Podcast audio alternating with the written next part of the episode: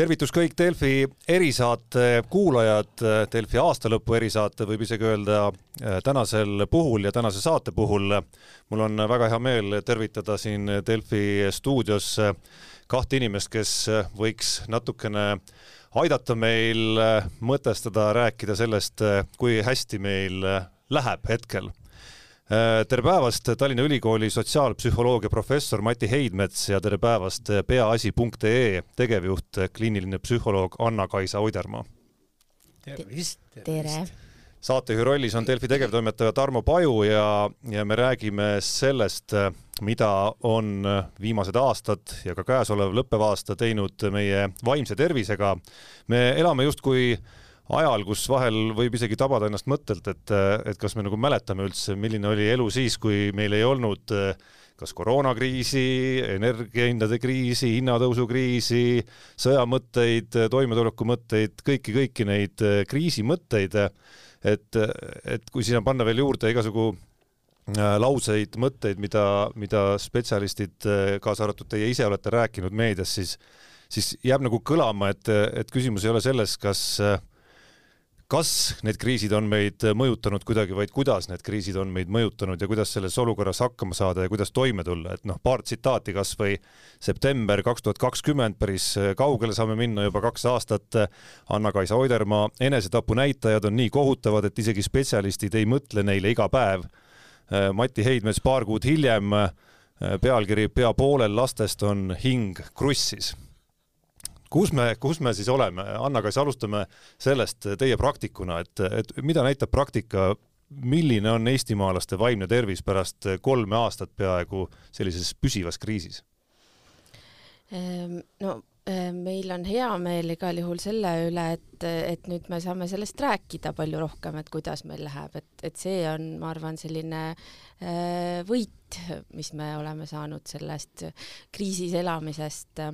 aga noh, kui sellest tõesti rääkida, siis, siis on kuulda tõesti seda, et noh, noortest noh, ligikaudu pooltel, ma ütlekski samamoodi ikkagi praegu ka on, on hinged haiged või on vaimse tervise raskused või, või, või ongi neil täitsa ka meditsiiniabi vaja. mida, mida nii-öelda nagu pilt pealtpoolt või, või selline nagu teadlane uurib putukat, äh, mida see pilt ütleb? no see pilt, ütleme nii, et kõigepealt seda pilti on üritatud tõesti joonistada ja, ja sellist äh, pilve pealt vaadet nagu tekitada. Ja kõige viimane sellekohane selline süsteemne uurimus äh, on minu teada see, mida Tervise Arengu Instituut siin äh, eelmisel ja sel aastal läbi viis, mille pealkiri oligi Eesti inimeste vaimne tervis ja kust vaatab vastu selline noh, jah, mõnevõrra murelik võib-olla pilt, oleneb jälle, kust otsast vaadata. sealt tuleb välja hästi jämedalt võttes, et kuskil veerand meie inimestes, inimestest on ärevushäiretega või, või on ärevus, ärevushäirete riskis kuskil kakskümmend viis protsenti, depressiooni riskis, kakskümmend viis protsenti liigsöömishäired, umbes sama palju inimestel ka alkoholi liigpruukimisega seotud mured ja, ja kolmandikul unehäired. et sealt võiks, noh, kui see kõik kokku võtta, võiks jõuda mingi sellise arusaamani, et kuskil veerand kuni kolmandik või, või viiendik kuni veerand, noh, Eesti inimesed on nagu murelikud. murelikud oma sellise enesetunde ja, ja, ja ka vaimse tervise mõttes. nüüd teine küsimus, et kas see on hea või halb sest et kui me ütleme, et veerand on nagu murelikud, siis järelikult kolmveerand ei ole murelikud. ja, ja eks siis noh, me peaks millegagi võrdlema või, või ütlema, et noh, et kas see on nagu, kas, kas on paremini läinud või, või halvemini läinud võrreldes, ma ei tea, teiste rahvastega ja naabritega ja ja noh, seda on ka üritud, üritatud teha, ma ei tea, kas on paras aeg sellest natuke rääkida praegu või et ma, minu teada ei ole proovitud koostada, igasuguseid edetabeleid tehakse ju, sissetulek ja korruptsioon ja, ja mis iganes asi. et, et depressiooni ette, edetabelit ma ei ole näinud ega, ega ka stressi mingisugust. õnnelikkuse edetabel küll tuleb aga on need vastupidised jah, et on need õnnetunne, subjektiivne heaolu ja kui vaadata seda viimast ülemaailmset õnneraport, raportit, siis seal eesotsas kipuvad olema noh, meie naabrid, skandinaavlased ja siis veel näpuotsaga Euroopa väikseid riike, seal Austria ja Šveits ja, ja Eesti on seal kuskil neljakümnenda positsiooni piiril koos Usbekistani ja Jamaica ja selliste vahvate riikidega. nii et no ka, ka sellises võrdluses no me ei saaks öelda, et me selle, sellise subjektiivse enesetunde mõttes no liiga hästi välja pasta, paistame, et et noh, ma tean, et soomlased ise olid ka natuke üllatunud, kui neile öeldi, et nad on maailma kõige õnnelikum rahvas. Ja kui käid seal Soomes ringi, noh, ega seda õnne liiga igast nurgast välja ka ei paista, aga ja Maikal ilmselt paistab rohkem. Aga, aga midagi tõenäoliselt siin on, et et selline eestlase kuidagi enesetunne ja, ja, ja ka suhtumine iseendasse on natukene niisugune noh, keskmiselt murelikum ja probleemsem kui siin paljudel meie naabritel no mis, millele aitab kindlasti kaasa juba sõja lähedus, kui me sõjast näiteks räägime, eks, et, et see mõjutab meid jamaikalastest kindlasti hoopis, hoopis teistmoodi. jah, aga soomlastel on ta umbes sama lähedal, nii et ega ja Soome piir Venemaaga ju veel palju pikem, nii et, nii et no see on omaette teema, et miks see eestlane niisugune murelik on, sest et noh, see paistab välja võib-olla ka sellest, et kui Eesti inimese käest küsida, et kuidas sul läheb, siis tüüpiline vastus on noh, läheb ka või kui juba väga hästi läheb, siis öeldakse normaalselt, aga, aga, aga ei ütle keegi, et oi, mul läheb nii kihvtilt ja vahvalt. ja kusjuures Vilja Kiisler hiljuti äh, Anna-Kaisa intervjueeris teid ja alustas selle küsimusega ja ja ega te hiilisite ka sealt suhteliselt sujuvalt välja muidugi, et et aga, aga viies praktikasse nüüd tagasi ja just, just nagu värskematesse arengutesse, et kuivõrd te tajute järjekord teie ukse taga, olgu füüsiline või virtuaalne, on, on ikkagi reaalselt ja palju kasvanud? no on küll kasvanud, et, et kuna peaasi tegeleb ju noortega ja, ja noored on selline peamine riskirühm, et, et kindlasti on kasvanud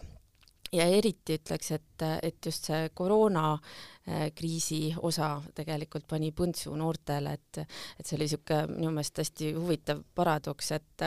et koroona ajal justkui hakati hästi palju muretsema vanemate inimeste pärast ja nende hakkamasaamise pärast, aga tegelikult äh, vaimse tervise poolest äh, said suurema põntsu noored ja lapsed, sest et nende elukorraldus muutus totaalselt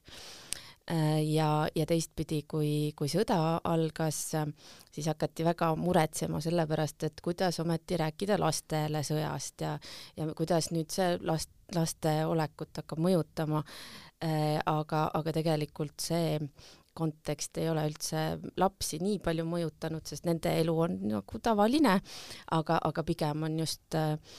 vanemaid inimesi mõjutanud, kellel on endal reaalsed äh, isiklikud mälestused ja kogemused ja kes äh, kujutavad seda palju selgemalt ette, mis juhtuda võib. ja vastutus nendesamade laste ees lõpuks, kui no, midagi nii-öelda, mis kõik võib juhtuda. see nagunii, jaa. no üks sõna, mis, mida ma arvan, me oleme vaimse tervise teemadel väga palju kuulnud viimastel aastatel aina rohkem, on, on ärevus, ärevus, ärevushäired. defineeriks korra ära, kuidas, kuidas sellest väljendist äh, korrektselt üldse aru saada, et, et noh, maakeeli või niimoodi lihtsalt ma, ma ütleks, et, et see on selline nagu muretsemine, ütleme siis niimoodi, et ja et, et muretsemine on üks selline eh, levinud aspekt ärevushäirete puhul, aga noh, ärevus on kõigile tuttav tunne,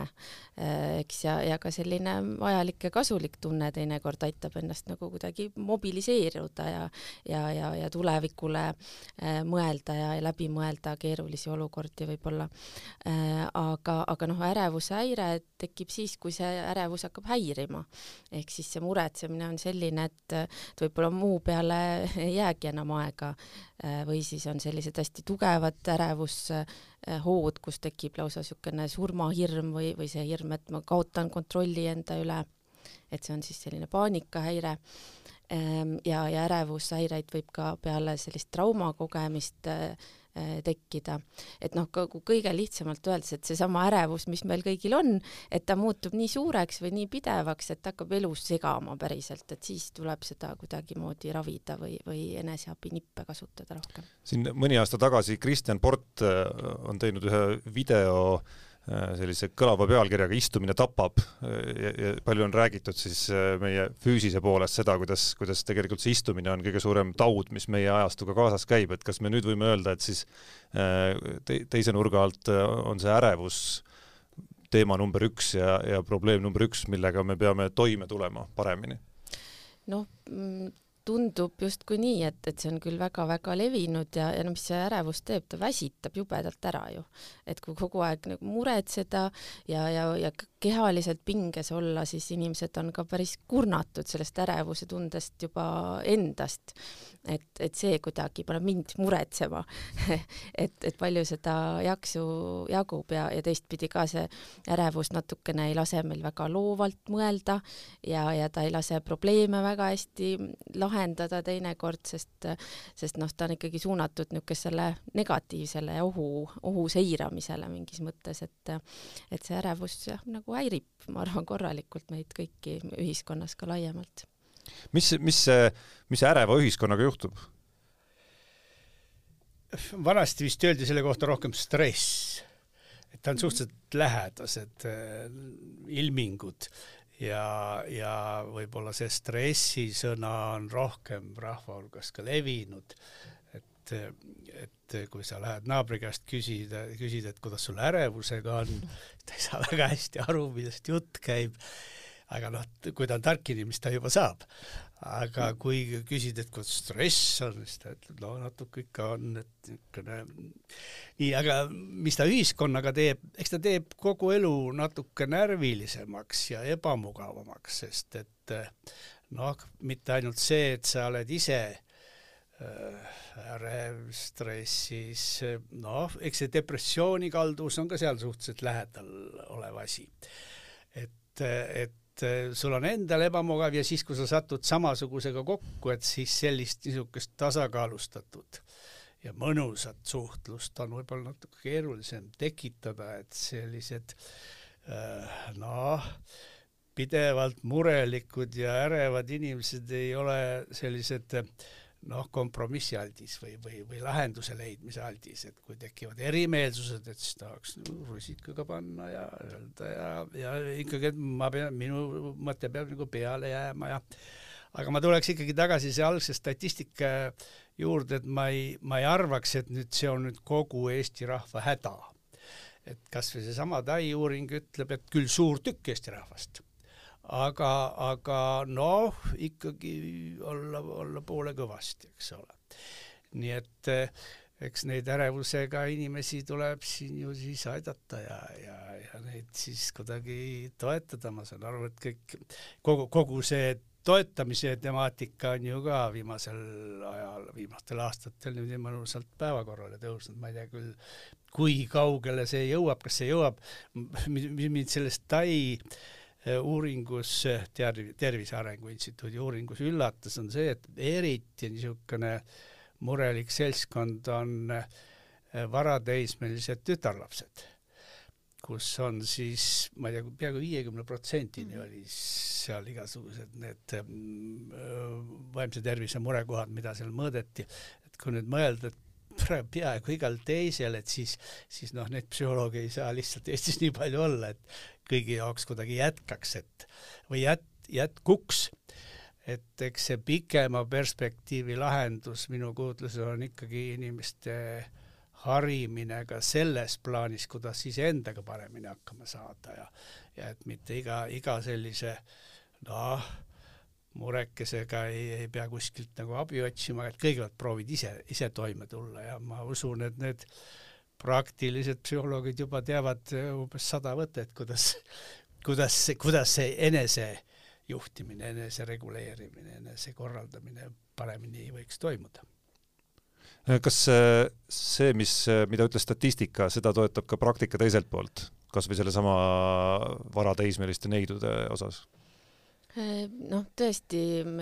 just nai-, naissoost inimesed ja noored inimesed pöörduvad rohkem meie poole ja, ja mujale ka. Et, et see on äh, täitsa nagu niisugune tavaline, aga, aga jah, ma ei oleks ka nii sada protsenti veendunud, et neil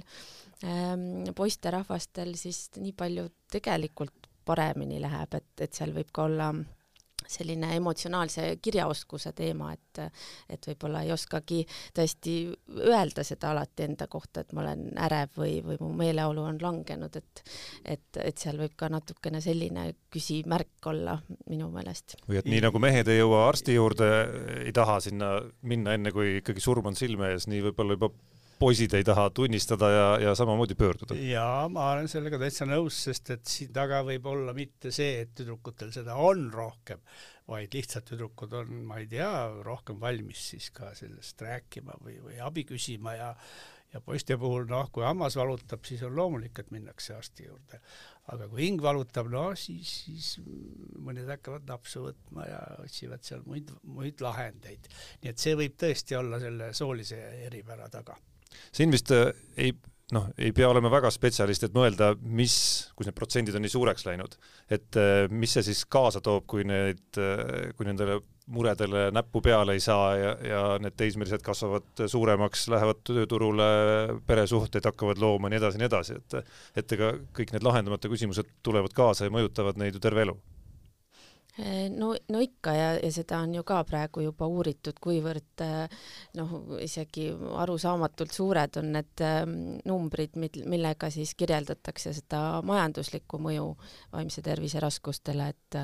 et viimati oli see hinnang siis kaks koma kaheksa protsenti eh, SKT-st ja, ja noh, see noh, ma ei tea, kisubki sinna miljardi kanti iga aasta, et, et noh, see on nagu sellist suurt numbrit ei oska ettegi kujutada, aga, aga see on ju reaalne, kui kui tõesti neid näiteid kasutada, et kuidas see mõjutab õppimist, töötamist, suhteid, kõike.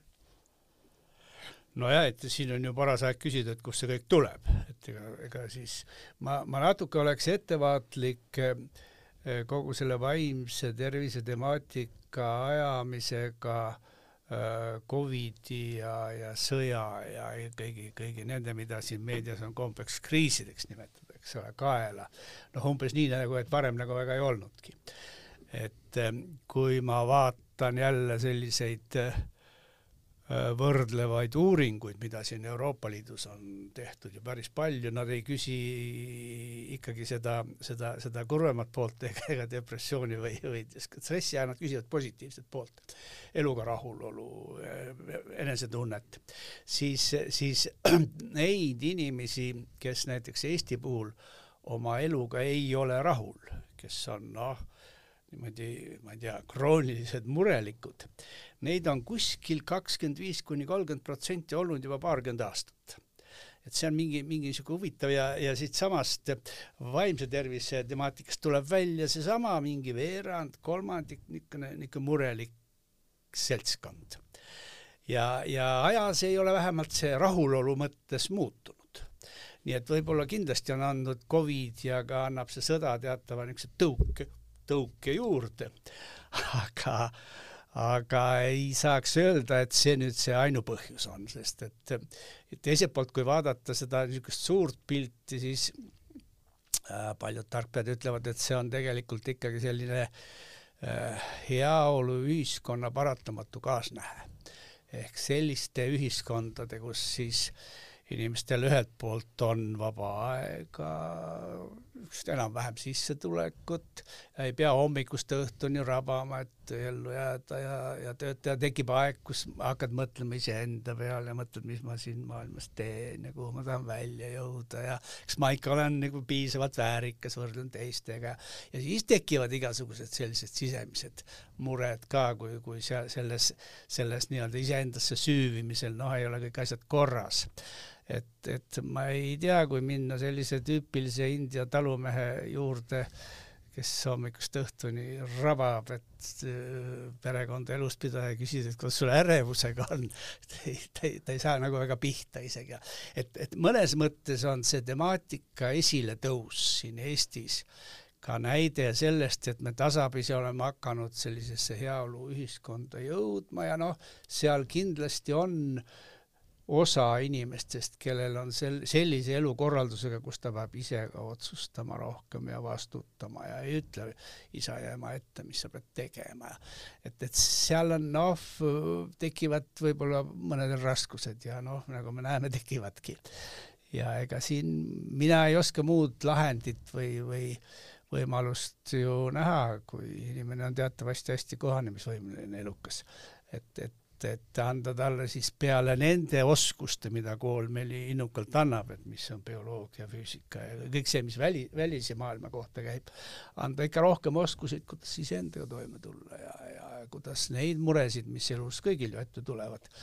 nüüd ju konstruktiivselt lahendada, et selles osas ma arvan, meie koolihariduses on veel ikka päris nagu pikk tee minna.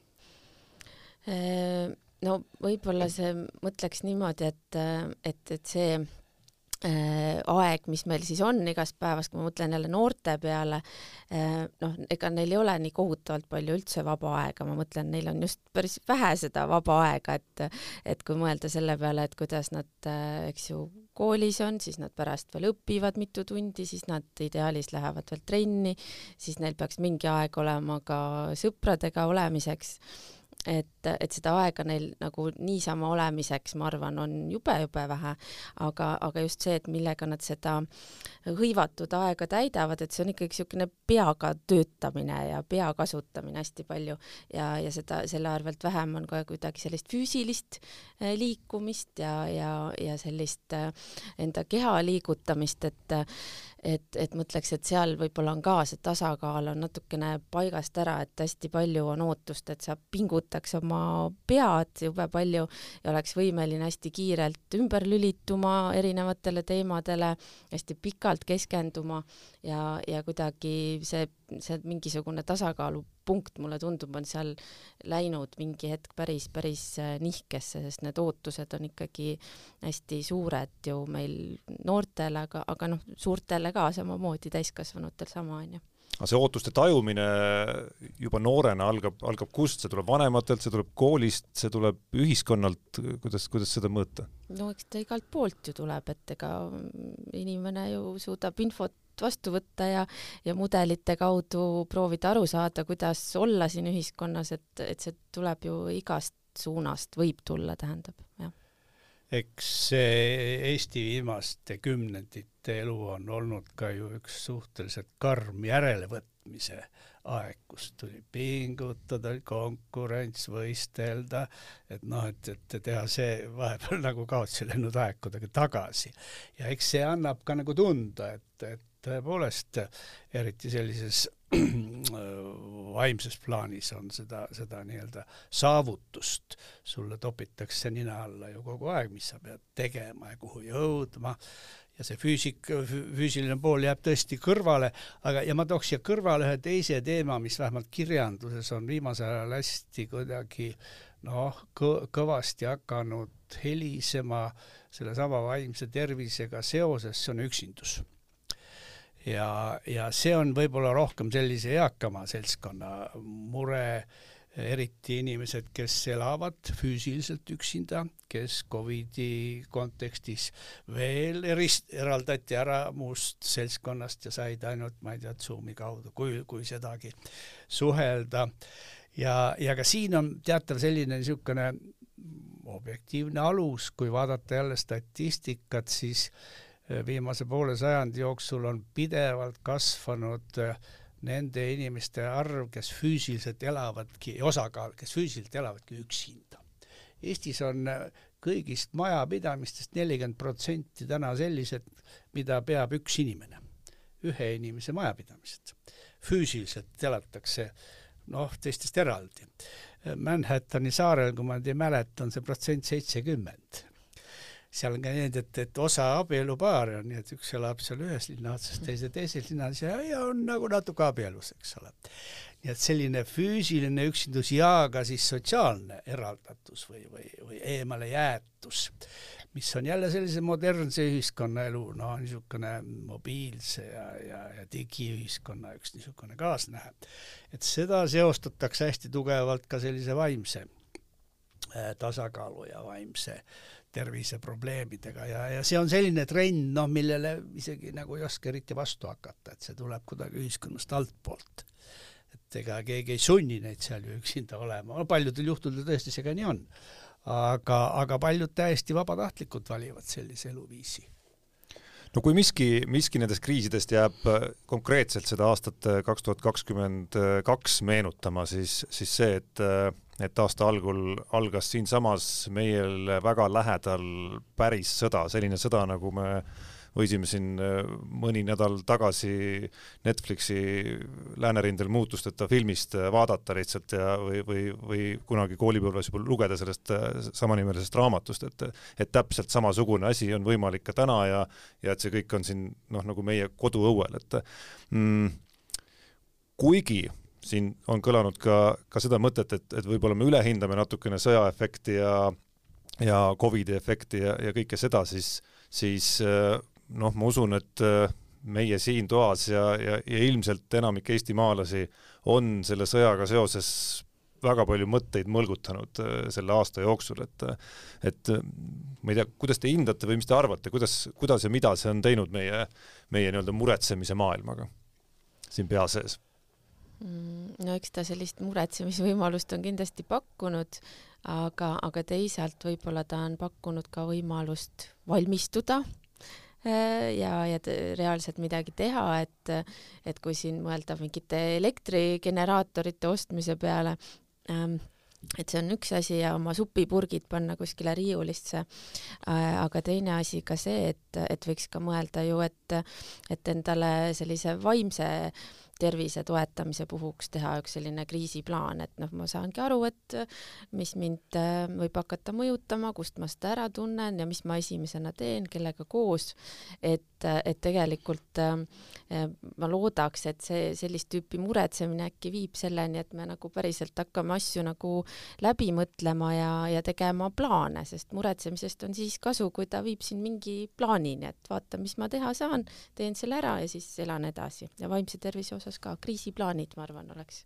ja e, nagu niisugune väljund sellele ma arvan, et eestlaste vaimsele tervisele võiks e, sõda positiivselt mõjuda. selles mõttes, et e, kõigile neile inimestele, kes noh, on ärevad, murelikud,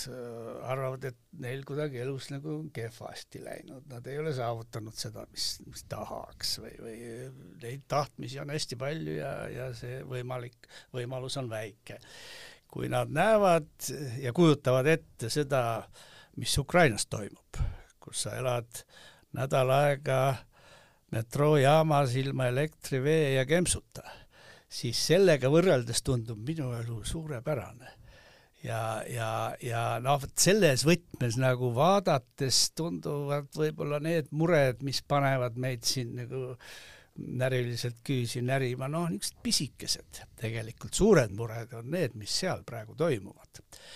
ja teine eh, niisugune sõnum sellest Ukraina sõjast minu jaoks on olnud midagi sellist, et Äh, et kui vaadata seda mõttevahetust, mis siin Eestis, aga ka laiemalt käib teemal, millega see sõda või sõda võiks lõppeda, siis, siis siin on nagu, nagu kaks äh, eri vaadet. üks on see, et kes ütleb, et kindlasti tuleb see sõda võita. ühed ütlevad, et Ukraina peab võitma ja teine, et Venemaa peab võitma. selliseid inimesi on ka ja teised ütlevad, et see sõda peaks lõppema kompromissiga, kus kõik, mõlemad natuke võidavad ja mõlemad natuke kaotavad. ja ma olen nüüd küll väga ebapopulaarne, aga ma arvan, et see sõja lõpp ongi kompromiss. ükskõik, mida me oma unistustes ei tahaks. see sõja lõpp on kompromiss, ma võiks kihla vedada kellegi, kui keegi tahab ja, ja siit saaks õppust võtta ka, ka sellise igapäevaelu äh, erimeelsuste, konfliktide ja murekohtade lahendamise osas. et võib-olla mitte alati ei peaks äh, suhetes naabrite, sugulaste, töökaaslastega, kellega iganes oma tahtmist ja oma õigust lõpuni ajama. vaid, vaid, vaid sellise läbirääkimise, kompromissi ja ka natuke taganemise äh, valmidus, ma arvan, on üks suur oskus sellise vaimse tervise ja ka, ka üldse sellise ühiskonna noh, niisugust positiivse meelsuse hoidmisel sest kui kõik lähevad ainult selle mõttega, et, et kõik või mitte midagi, siis, siis see tulemus saab olema minu arusaamist mööda kehva. Ja ma usun, et noh, võib-olla mitte praegu kohe, aga mõne aja jooksul ka see Ukraina äh, õudne konflikt annab õpetust selle kohta, et kuidas sellistes olukordades peaks käituma. praegu soovitab noh, mingeid läbirääkimisi ja kompromisse ainult sajaaastane Kissinger. teist ei julge seda välja öelda. aga mulle tundub ka, et, et vaata, kuidas tahad, lõpuks ta sinna välja jõuab. ja ma usun, et see on see asi, millest tasuks ka tulevikus õppida äh,. inimese juurde tulles tagasi, üks, üks väga reaalne tunne, mis käib sõjaga kaasas, ma usun, meie regioonis väga selgelt äh, kus, kus suhestutakse selle konkreetse olukorraga, on, on ju hirm. et, et mulle meenuvad siin sõjaeelsed hetked kas või, kas või üsna lähedalt siit meie enda toimetusest, kus, kus mingil hetkel sõda ei olnud alanudki veel toimusid sellised noh, eetrivälised briifingud, et, et mis kuskil telgitagustes siis toimumas on, milleks meie, meie erinevad struktuurid valmistuvad, mis nõudmisi Venemaa tegelikult on esitanud ja ja noh, kaasa arvatud selleni, kuidas, kuidas noh, selle, selle nende valdkondade eest vastutavad inimesed noh, on valmis selleni välja, et, et ka meil siin võib midagi juhtuda. Ja siis, siis see reaktsioon, mis kas või meie enda nendelt inimestelt järgnes, kes tutvusid, oli ka väga erinev ja hirm oli seal üsna, üsna, üsna tavaline. ja, ja kui see isegi sel hetkel nendele, kes, kellel see ei tekitanud hirmu, tundus, et no mis siin, et, et see, see kõik on ju nii kauge, ei ole võimalik, siis läks nädal või paar mööda ja ja noh, ja siis läks natuke veel mööda, vabastati Butša ja siis me hakkasime nägema kõiki, kõiki seda kohutavat õudust, et et kuidas selle hirmuga toime tulla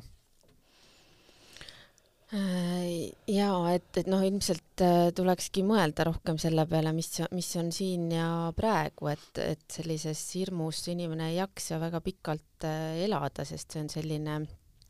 tunne, mis paneb väga niimoodi koheselt reageerima, kas võitlema või põgenema põhimõtteliselt, on ju. et et, ähm, et kuidagi keskenduda sellele, mida praegu on, on võimalik teha ja ja, ja küll see hirm siis ka mm, läheb, läheb väiksemaks, kui me oleme saanud ennast äh, kuidagi kindlustada ähm,. aga, aga jah, ja, ja sedasama, et tõesti nagu just äh, Mati ka rääkis, et, et kuidagi enda nende väärtuste peale mõelda, et mis on nagu oluline tõesti ja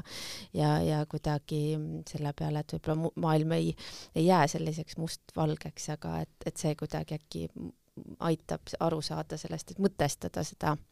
tähendust võib-olla enda, endaga elus praegu, et et siis ei saa nii palju karta. no üks, mis tundub nagu jahmatav ikkagi, üks asi on see reaalne hirm ja mis siin salata, mingil sõja alguse faasi, faasi hetkel istudes, istudes väga sarnases elurajoonis, nagu me Ukrainas näeme seal, noh, olen isegi mananud seda pilti, et huvitav, mis siis oleks, kui siit mööda sedasama teed praegu, kust ma aknast välja vaatan, veereks tank, et et, et kas, kas mind vähemalt on jahmatama pannud, ma usun, et miljoneid inimesi on pannud jahmatama, kas teid äh, selle ala spetsialistidena on ka pannud jahmatama, et ikkagi täna veel aastal kaks tuhat kakskümmend kaks on, on inimesed valmis sellisteks julmusteks? ja mind pani küll, sest et mina kahekümne kolmanda õhtuni ei uskunud, et ma arvasin ikkagi, et see on selline niisugune verbaalne noh, vahu keerutamine, mis seal enne toimus ju kõik. ja see, et see tõesti toimus, see on minu jaoks olnud üllatus ja, ja, ja noh, eks ma nagu kõik püüame sellega kohaneda, sest et noh, inimene on ikkagi hästi selline noh, kohanemisvõimeline, elukas. ja, ja ka selle hirmuga ta peab kohanema aga, aga see, et selline asi kahekümne esimesel sajandil on Euroopas võimalik ja et Euroopas üks suur rahvas, mitte kõik, aga suur osa sellest suurest rahvast pooldab seda või, või, või, või, või õigustab, et see on, see, see nii peabki olema, see on hämmastav. ja, ja eks ma arvan äh,, selle mõtestamine, miks see nii on ja, ja mis, mis, mis veel võib juhtuda, see mõtestamine on siin alles ees tegelikult, sest et ma kujutan ette, et ka enamik selliseid politoloogia, filosoofe ja, ja maailmatarku, noh, neil on endiselt veel hing kinni, nad ei, nad ei, nad, nad, nad ei ole suutnud veel ikkagi ratsionaalselt noh, nii-öelda seda, seda pilti kokku saada, et, et mis, mis, mis, kuidas see on võimalik, et nii, selline asi juhtus, aga aga teiselt poolt noh, kuna see toimub juba varsti aasta, siis ma usun, et vähemalt mina olen seda meelt, et, et praegu äh, väljakutse või ülesanne number üks on ikkagi leida teid võimalikuks, võimalikult kiireks tapatalgute lõpetamiseks. ükskõik, milline see poliitiline kontekst on, mis sõnadega seda nimetatakse, aga noh, vähemalt sellise euroopaliku väärtusruumi vaatest kõige jubedam on tapmine, mis seal käib sest et kõiki neid muid äh, asju saab uuesti üles ehitada ja raudteed saab parandada ja nii edasi, nii edasi, neid inimesi tagasi ei too. ja seetõttu mulle tundub, et niisugune äh, valge maailma kollektiivne mõistus peaks tegelikult täna töötama selle nimel, et, et, et leida teid, kuidas äh, mitte, mitte hakata arutama seda, kes on õige, kes on vale, see on, see on isegi teada, vaid leida teid, kuidas vastastikune tapmine kinni panna seisma panna. ma hüppan nüüd äh,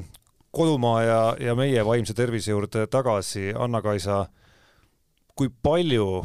jääb inimesi Eestis abita, kes tegelikult vajaksid abi, et kas see, et meil on puudu psühhiaatritest, psühholoogidest, koolipsühholoogidest, äh, mis iganes äh, selle, see kogu selle valdkonna nagu sektorites, alades, ametikohtades, kas see on fakt või, või on siin midagi üldse debateerida?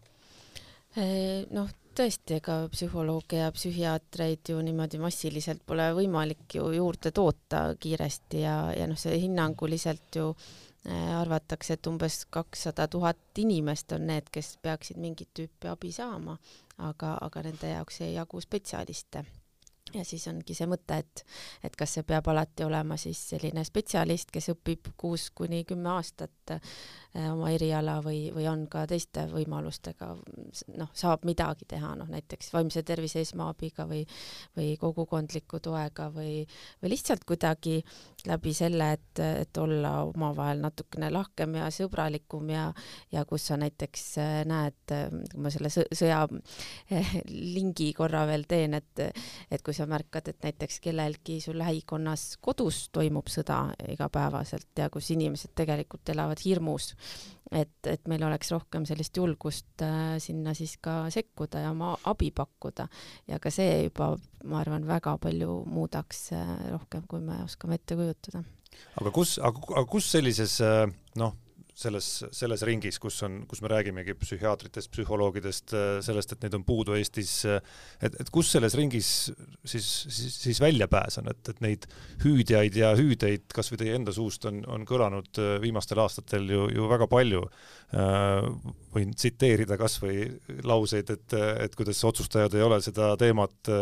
nii-öelda seksikaks pidanud ja sellepärast ei ole tegeldud sellega ja, ja ei ole nagu ära mõtestanud või raalinud kas või sedasama rahavalemit seal, et, et ühest küljest need kahjud, mida, mida vaimse tervise probleemid tekitavad, on äh, oluliselt suuremad kui see investeering, mida oleks vaja, et neid, neid märkimisväärselt äh, vähendada. aga hetkel tundub, et siin nagu seda seksikust ei paista ikka või? no väga palju ei paista jah, kui aus olla, aga, aga ikkagi noh, need lahendused on siis ju see, et, et ikkagi igaüks äh, võtab ise rohkem vastutust õpib neid viise, kuidas iseennast juhtida, paremini, kuidas oma lapsi toetada, aidata, üldiselt vaimse tervise esmaabioskused, et, et noh, jagame laiali siis kuidagi selle vastutuse nii-öelda ja alustame siis nendest esimestest sammudest, aga noh, sinna võiks ju ka otsustadagi, et, et tõesti süstemaatiliselt panustaks nendesse näiteks programmidesse, mis on olemas koolides, noh, et tõesti õppida neid emotsionaalseid oskusi näiteks on ju, et see ei oleks üldse väga keeruline. Ega ka mitte ebaseksikas, mulle tundub praegu. aga, aga jah, et, et tuleb nagu altpoolt äh, alustada, et, et, et tõesti igalühel tegelikult ei ole vaja psühhiaatrit või kliinilist psühholoogi, et saab muud moodi ka Mati, te olete aastakümneid noh, tegelenud muuhulgas ka ju ka nende samade inimeste koolitamisega, kes, kes lõpuks peavad, peavad siis aitama, aitama hädas olijaid, et kuidas neid rohkem Eestimaale saada? Noh, eks siin see asi läheb ju selliseks administratiivfinansiliseks, et eks neid nii palju saab, kui riik tellib aga ma, ma oleks ka seda meelt, et see lahendus ei ole ainult eh, noh, selles, et igale murelikule psühholoog kõrvale.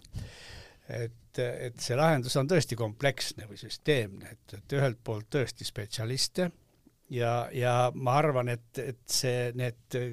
sõbralikud kriisid, millest me rääkisime, need on pannud ka ikkagi neid otsustajaid mõtlema, et see valdkond on nagu tähtsam, kui nad enne arvasid. Aga mina nagu rõhuks ikkagi sellisele rahvaharidusele ka, et seal kõrval peaks olema ikkagi see, et kui ma vaatan näiteks praeguseid eh, kooliprogramme, siis ma arvan, kuskil üheksakümmend või võib-olla üheksakümmend viis protsenti teemadest on need, mis on seal väljaspool kusagil maailmas, bioloogias ja luuletused ja, ja kirjanikud ja ajaloolased ja, ja see, mis mul see sisemaailm on, see, kuidas ma sellega hakkama saan, sellest on mingi inimese õpetus on, aga seda on ikka imevähe.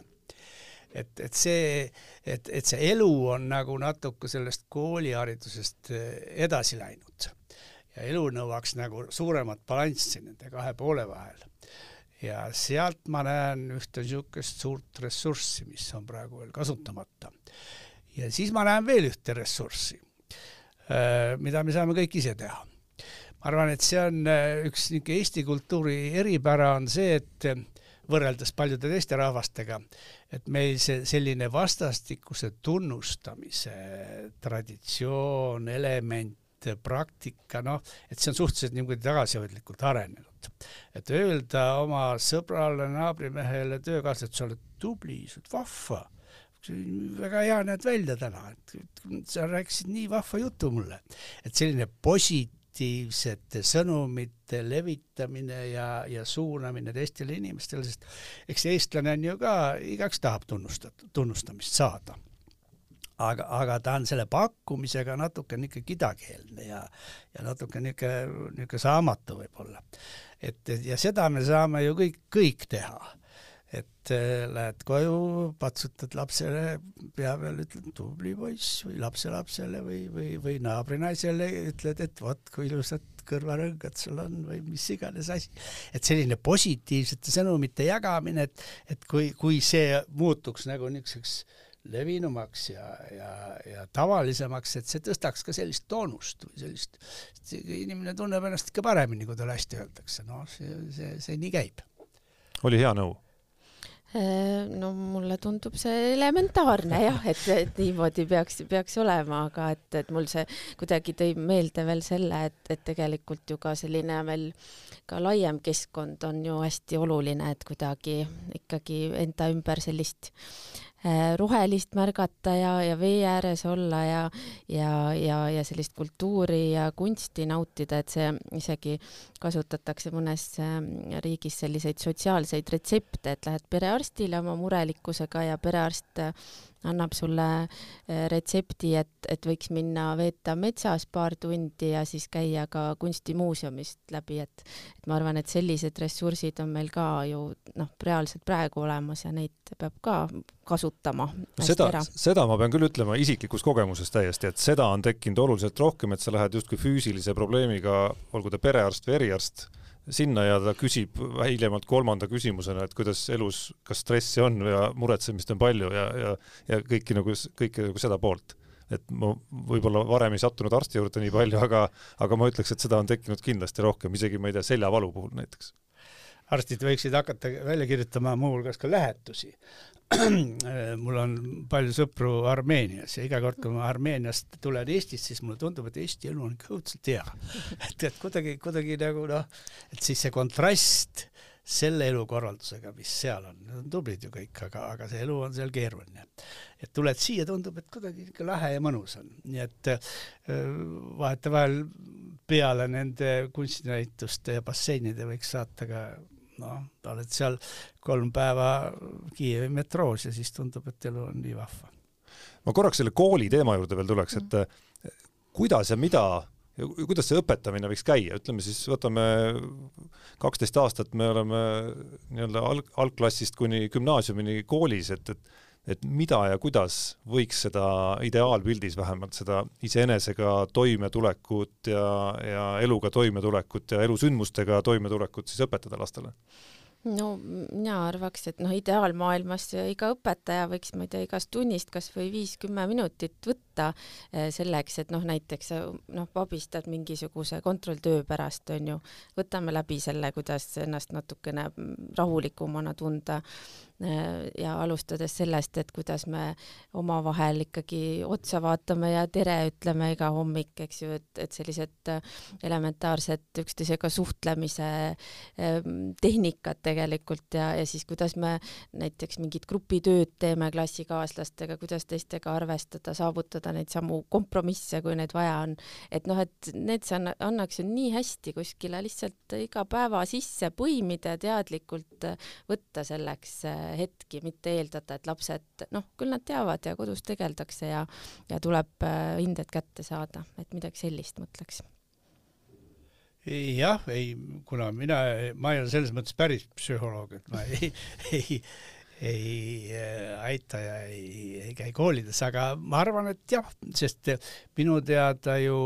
nendel, sellel osal psühholoogidest, kes nüüd igapäevaselt nende teemadega tegelevad, on ju ikkagi selline võttestik ja, ja, ja mingid sammud ja mingid väga praktilised asjad ju välja settinud ja, ja neid saaks siis ju õpetada ja katsetada ja ette näidata ja proovida ja ja, ja sealt siis loodetavasti võib see hakata ju ka koolist, kui seda koolist teha levima, sest et kui niisugune nutikas äh, teismeline tütarlaps tuleb koju ju ta siis räägib ka emale-isale, kuidas tuleb asju ajada. ja omavahel näiteks erimeelsusi lahendada mm. -hmm ajal, kus me siin äh, Delfi toimetuses kasvõi rohkem videopildiga tegelema hakkasid, hakkasime, käis meil üks äh, üsna tuntud telemees Eestist äh, noh, koolitamas, ütleme nii. ja esimese lausena ütles, et ma ei tule teid õpetama, kuidas teha, aga ma räägin oma kogemusest, kuidas ja kuidas mina neid asju teen siis. ehk siis see, see väikene põige viib mind küsimuseni, ehk siis kuidas, kuidas teie liigsest muretsemisest hoidute? Äh, no äh, mina kasutan sellist äh, tähelepanu kõrvalejuhtimistehnikat, et mina olen selline täiesti obsessiivne lugeja, nii et ma võtan mingi raamatu ja siis seiklen seal, et ma loen enne Sõrmuste isandast seda, mis nagu maailmas võib toimuda, kui et muretsen selle pärast, mis, mis meie siin niimoodi reaalselt on, mingiks hetkeks vähemalt ja siis see aitab ümber lülitada ja siis on nagu niisugune mõnus olla jälle näiteks. No Mati mehed on justkui teine riskirühm äh, noorte kõrval, aga, aga teie muige, muiet vaadates tundub, et olete väga hästi aastakümneid suutnud navigeerida nendest ohtudest mööda, et äh, kuidas see on õnnestunud? no üks, üks hästi praktiline asi on tõesti, mis on mul aastakümneid juba kaasas käinud, on see, et ma iga päev teen üks kolmveerand tundi, tund sellist füüsilist koormust, jooksen või on kepikõndi või, või ja, ja kuna see on muutunud selliseks elulaadi osaks, siis, siis ma isegi ei tunne sellest kasu, aga ma tunnen kahju siis, kui millegipärast see nagu ära jääb. ja ma usun, et, et see on olnud oluline mõjur või põhjus, miks ma ei ole siiamaani sügavamasse depressiooni langenud nii et, nii et ma soovitaks sellist füüsilist äh, toimetamist ikka, ikka kõigile, kes äh, noh,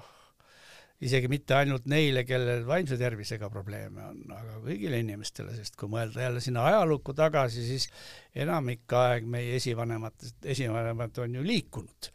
Need ja see istumise kultuur ja ekraanikultuur, et see on, on suhteliselt hiljutine asi ja sellega noh, on raske kohaneda, nii et metsa, metsa no mina haarates siin saates kõlanust kinni, tänan teid kõikide nende vahvate mõtete eest. loodan, et ka kuulajad tänavad egas muud kui head aasta lõppu, vähem muretsemist ja, ja paremat nende mõtetega toimetulekut.